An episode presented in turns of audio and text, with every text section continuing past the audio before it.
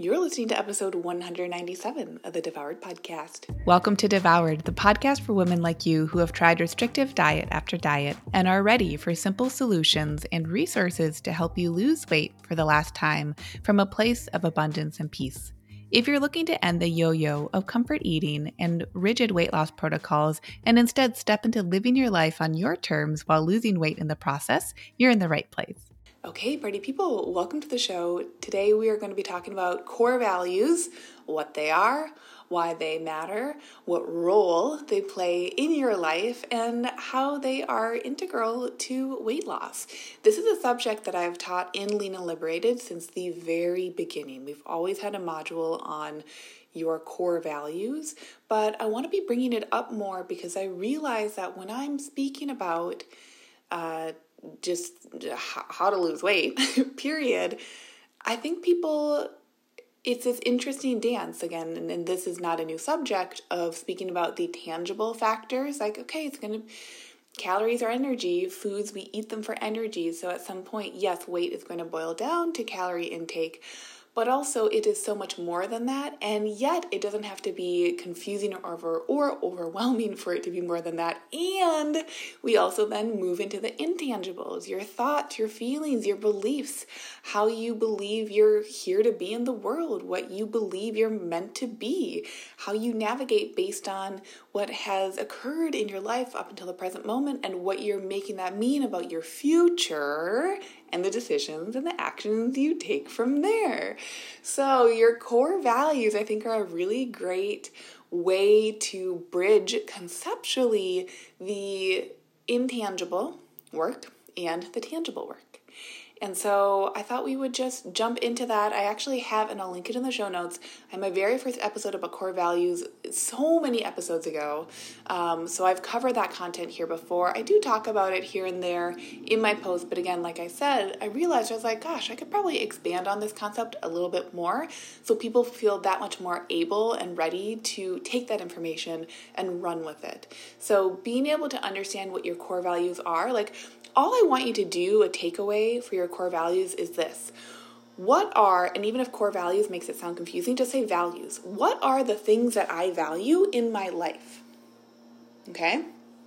Now, your core values, your values, are going to be different than other people's often there is some overlap because as humans, we don't really end up being all that different, but also your values are for you. So they're the things or the actions or the ways of being in your life that feel aligned. So when you think of things that you value, I don't want it to just be the exchange like, oh, I, I get this for that when I do this thing or when I am, am acting in this way.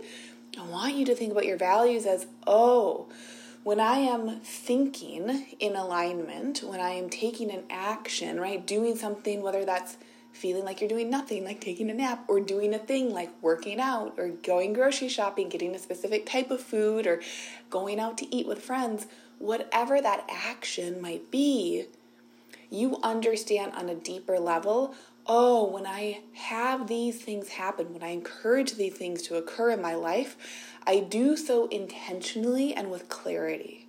I know that when I eat out with friends, that fills my buckets. Why does that fill my bucket? That fills my bucket because it aligns with my value of being in community, or it aligns with my value of spontaneity, or it aligns with my value of insert whatever your values are. So it's very simple to figure out your core values and they also change over time. So it's not this like static thing.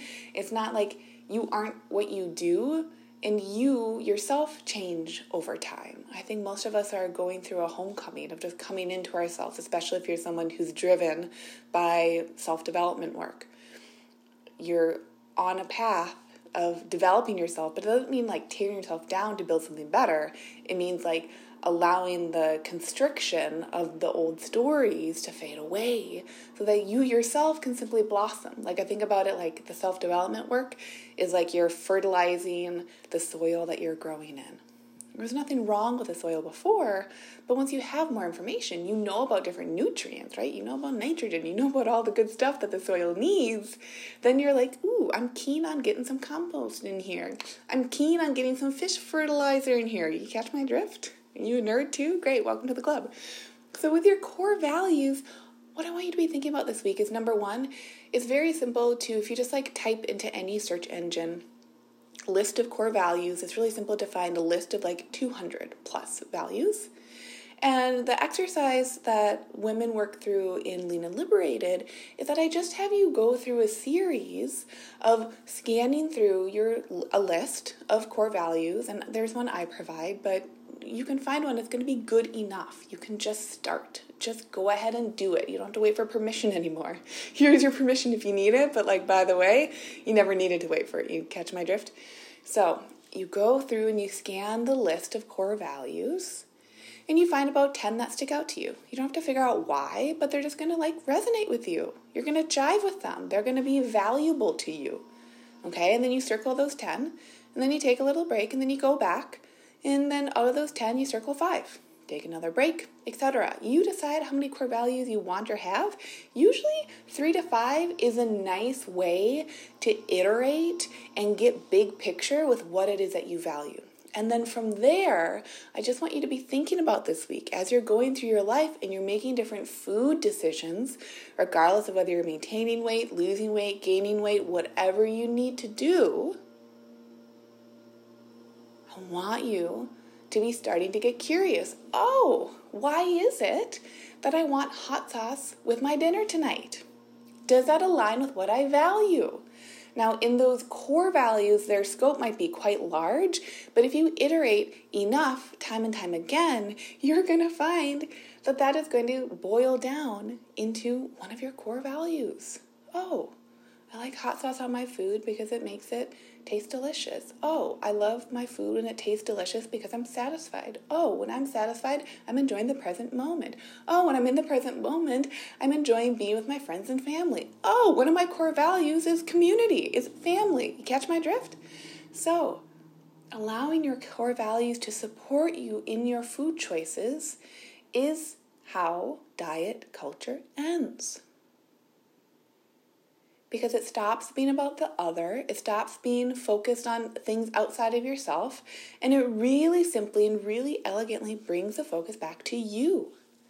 And not on what you should be doing, but on what aligns with you right now, right here. And that, my friend, is how you lose weight.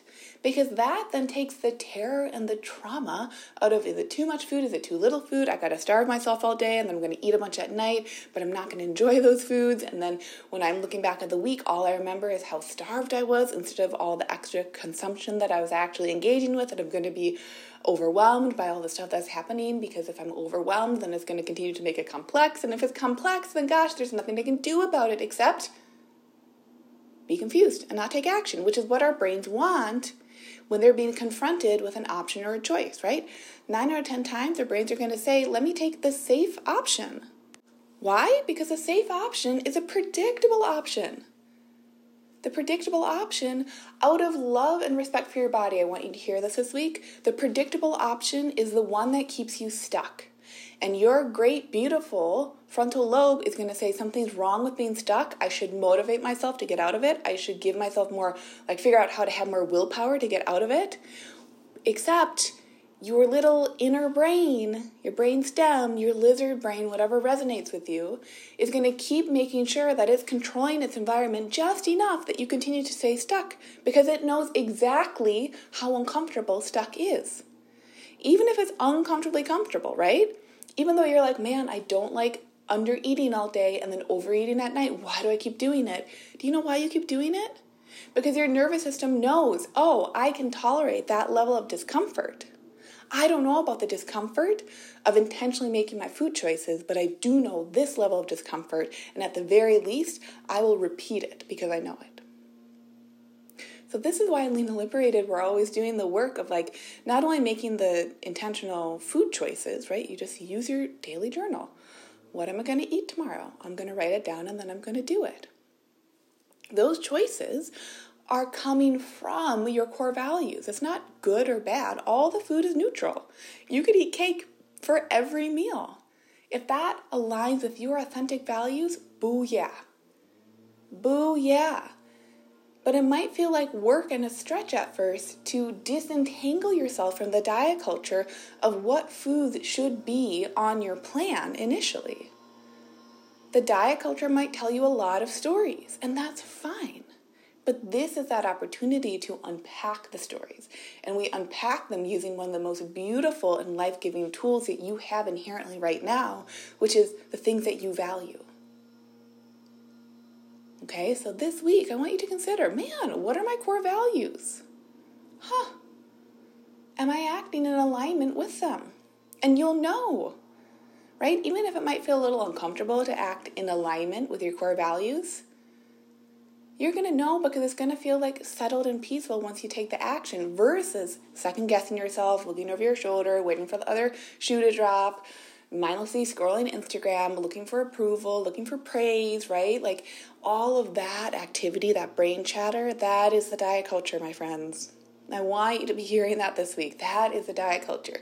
Weight loss is radically simple. It is so simple. I'm not saying it's easy. Like the hard part is really saying like I'm to do this mental work. That's all I mean. When I say it's simple but not, easy, you're signing up to say, I'm to allow myself to think about myself. And not in like a navel gazing way, but in like a, I'm to be here for myself. I'm to befriend myself. And I'm to let myself be there for my friend. And it might not always be the most comfortable thing, but I know that it's worth it because I love this relationship with my friend and I want it to be stronger. And I trust that all my friend needs is a little space to process. I trust that it is not so complicated to lose weight. I trust that my food choices are for me by me. I trust that I cannot screw this process up. I trust that and I trust it by showing up to it.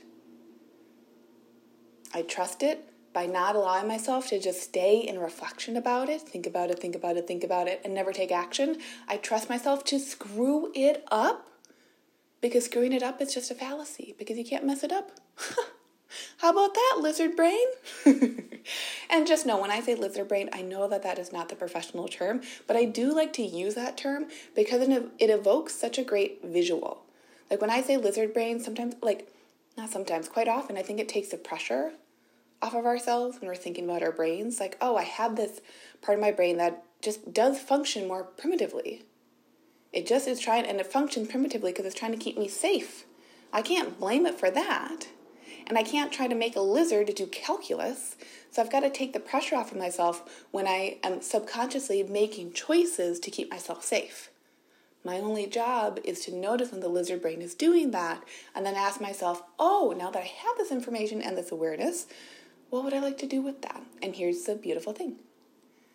What you'll what you will like to do with that is going to depend on your values. So,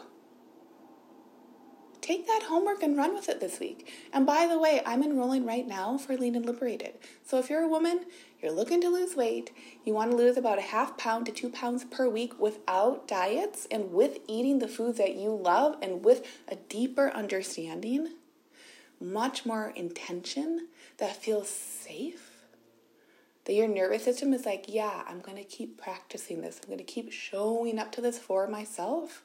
I really encourage you to reach out to me and let's see if Lean and Liberated is a great fit for you. If it is, you can get started pretty much right away. which is like the best part of this program. When I'm speaking with some of my peers, you know, some people, just depending on the type of program that they run, they'll do launches, right? Sometimes the programs are closed and then they're open other times. Maybe they're only open once a year, twice a year. And Lean and Liberated, I kind of blow that all away, not because it's bad, but just because of how I like to run my program. Unless I am personally on vacation, which is only a couple times a year, the enrollment is open. The only thing that might change over time is that the price is going to increase. And that only increases because the quality continues to increase. The community continues to grow. We're doing really cool, beautiful things in there. So, that is my encouragement to you to reach out if you've been following along on the podcast or on social media and you're like, okay, this girl's talking about some things that really resonate with me. I've tried some of the homework. I understand how it feels. Let's get you going and lean and liberated. And by the way, one more thing. I'm going to be having one of my amazing clients on the show in just a couple of weeks. And I cannot wait for you. And of course, I've had other clients on the show, so listen to their stories about what the process is like. But I cannot wait for you to hear this client's story. It is such an honor when my clients are open to coming on the show because I really respect that this is a very private process. So some people are more open and some people are more closed. That's all beautiful. Why? Because we just do what works in alignment with your values. But this client's going to come on the show and she's going to toot her own horn, and it is so good. So, in the meantime, my friends, use the practice, grab a quick sheet of what my core values are. Use the practice of whittling them down. Allow yourself to not overthink it. Just try it out. Just do it. I'm so proud of you for every thought, every step that you've taken that has gotten he- you here to the present moment. That is a big deal. And I celebrate you for that. So thank you so much for being here, and I'll see you on next week's episode. Bye. Did you know you can find more support from me on my website? Go to Lucia Hawley, L U C I A H A W L E Y dot com to connect.